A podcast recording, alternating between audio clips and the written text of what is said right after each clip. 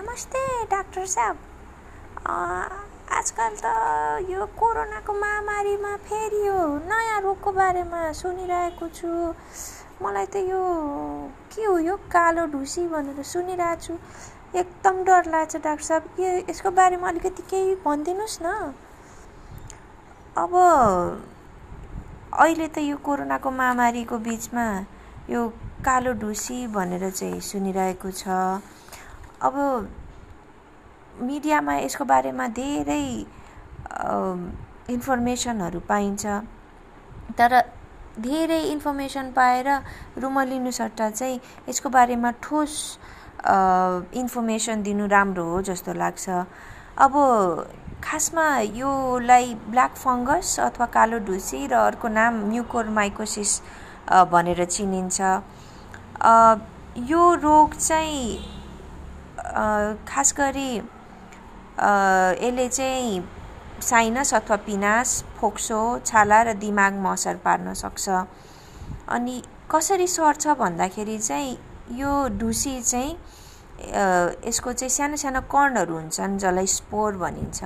त्यो चाहिँ श्वास प्रश्वासबाट ए लिएमा अथवा चाहिँ यसलाई छालाको कन्ट्याक्टमा आएमा चाहिँ कसरी भन्दाखेरि अब यसको चाहिँ यो सानो सानो कण जसलाई स्पोर भनिन्छ यो माटोमा अथवा सडे गरेको कुरामा र कम्पोस्टमा लाग्छ यो चाहिँ हाम्रो शरीरमा कन्ट्याक्टमा आउँदाखेरि चाहिँ हामीलाई यो म्युकोरमाइकोसिस अथवा कालो डुसीको रोगले चाहिँ सङ्क्रमित गर्न सक्छ। अनि डाक्टर साहब पहिला पहिला पनि त थियो होला नि त यो रोग। अनि अहिले मात्रै किन यसको शङ्का? वात्तै बढेको अथवा चाहिँ मिडियामा यसको प्रचार भएको होला? राम्रो प्रश्न गर्नुभयो है। अब अहिले तपाईँलाई हामी सबैलाई थाहै छ हामीले यो अहिले कोरोनाको महामारी खेप्दैछौँ। अब यो रोगमा चाहिँ हामीले विशेष गरी प्रयोग गर्ने औषधि जसलाई चाहिँ स्टेरोइड भनिन्छ त्यो औषधिले चाहिँ एकदम राम्रो काम गर्छ भनेको चाहिँ यो प्राण बचाउने औषधि हो कोरोनाको र साथसाथै अरू अरू रोगमा पनि यसको प्रयोग हुन्छ। तर यसको केही हानिकारक साइड इफेक्ट्स हुन्छ यसको मध्येमा चाहिँ सबसे इम्पोर्टेन्ट चाहिँ तपाईँको शरीरको प्रतिरोधात्मक शक्ति कम गर्ने हो। र यो फङ्गस चाहिँ जुन छ नि यो चाहिँ कमजोर शरीर भएको मान्छेलाई चाहिँ छिट्टै यसले चाहिँ असर गरिहाल्छ। र त्यसको साथसाथै चाहिँ तपाईँले यो स्टिरोइड प्रयोग गर्नाले हाम्रो शरीरमा सुगरको मात्रा पनि बढ्ने हुन्छ। र यो सुगरको मात्रा बढ्नु र शरीरको प्रतिरोधात्मक शक्ति कम हुनु यो सबै चाहिँ यो दुइटै कारण भनौँ न। तपाईँलाई यो ब्ल्याक फङ्गस अथवा यो म्युकोरमाइकोसिस बढ्नलाई चाहिँ अधिक राम्रो वातावरण सिर्जना हुन्छ। त्यही भएको भएर चाहिँ अहिले आएर चाहिँ यो कोरोनाको बिगबिगीमा चाहिँ यो ब्ल्याक फङ्गस रोगको पनि सङ्ख्या बढेको देखिन्छ। ए त्यसो भए अरू के के कारणले गर्दाखेरि चाहिँ यो ब्ल्याक फङ्गसबाट डराउनु पर्छ अथवा के के कारण चाहिँ अब भनौँ न के के कारणमा चाहिँ अब हामी यो लाग्ला कि भनेर डराउनु पर्यो? अब विशेष गरी चाहिँ अब जब जब चाहिँ हामीहरूको प्रतिरोधात्मक शक्ति जसरी अघि भने रोगसँग लड्ने शक्ति कम हुने अवस्थामा चाहिँ यो ब्ल्याक फङ्गस रोगले चाहिँ हामीलाई च्याप्ने गर्छ।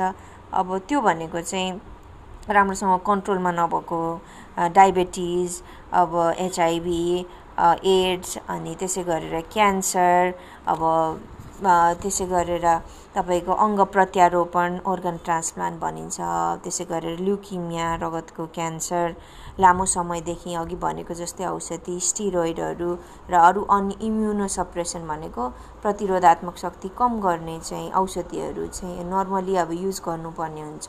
यी अर्गन ट्रान्सप्लान्टहरू अथवा चाहिँ यो क्यान्सरहरूमा तिनीहरूलाई चाहिँ यो रोगले चाहिँ बढी असर गर्छ। त्यसै गरेर चाहिँ अब बच्चाहरूमा चाहिँ कुपोषणहरूको शिकार भएका अथवा चाहिँ न्यून तौलमा जन्मिएका उमेरभन्दा अगाडि जन्मिएका बच्चाहरू यिनीहरू चाहिँ अरू बच्चाहरू जस्तो बलियो हुँदैन। उनीहरूमा प्रतिरोधात्मक शक्ति कम हुन्छ र उनीहरूमा पनि यो ब्ल्याक फङ्गस रोगको चाहिँ जोखिम हुन्छ। अनि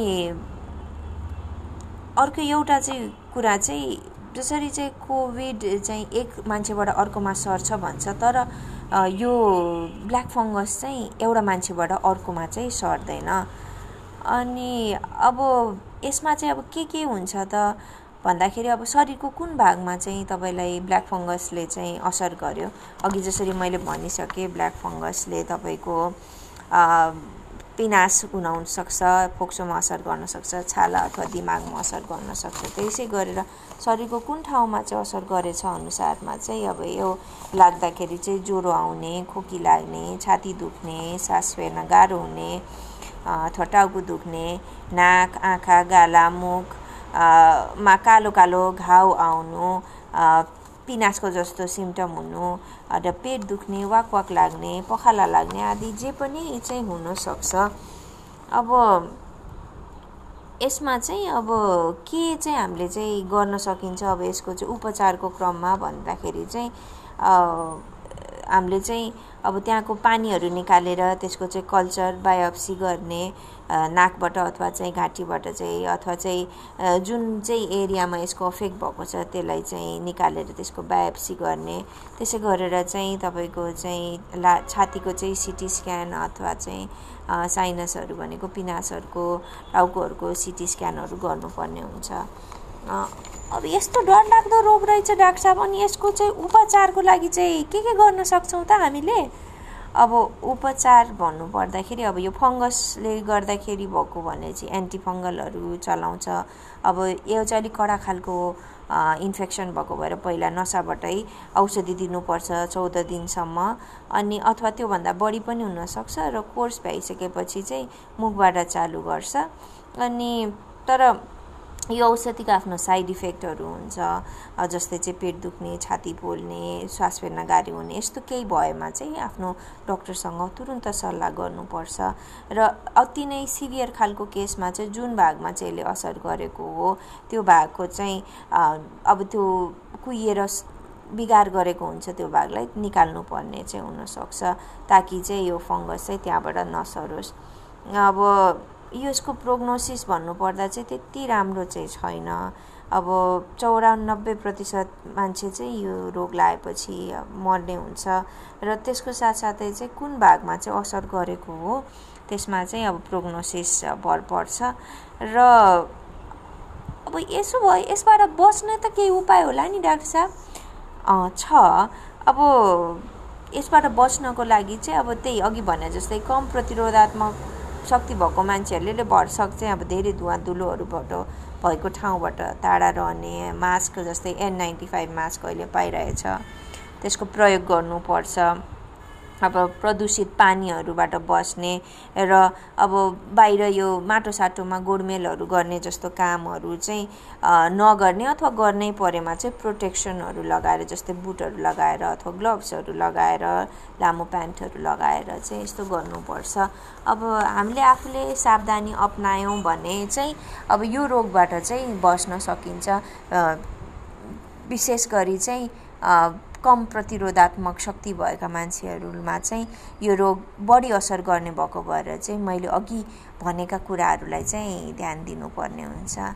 ओहो डाक्टर साहबले त धेरै राम्रोसँग बुझाउनु भयो म त धेरै खुसी भएँ। अब सबैजना त धेरै यो ब्ल्याक फङ्गस ब्ल्याक फङ्गस भनेर डराउनु पर्ने त रहेन रहेछ। अब तर बच्न चाहिँ जरुरी रहेछ। धन्यवाद डाक्टर साहब। धेरै मेरो मनै हलुङ्गो बनाइदिनु भयो तपाईँले।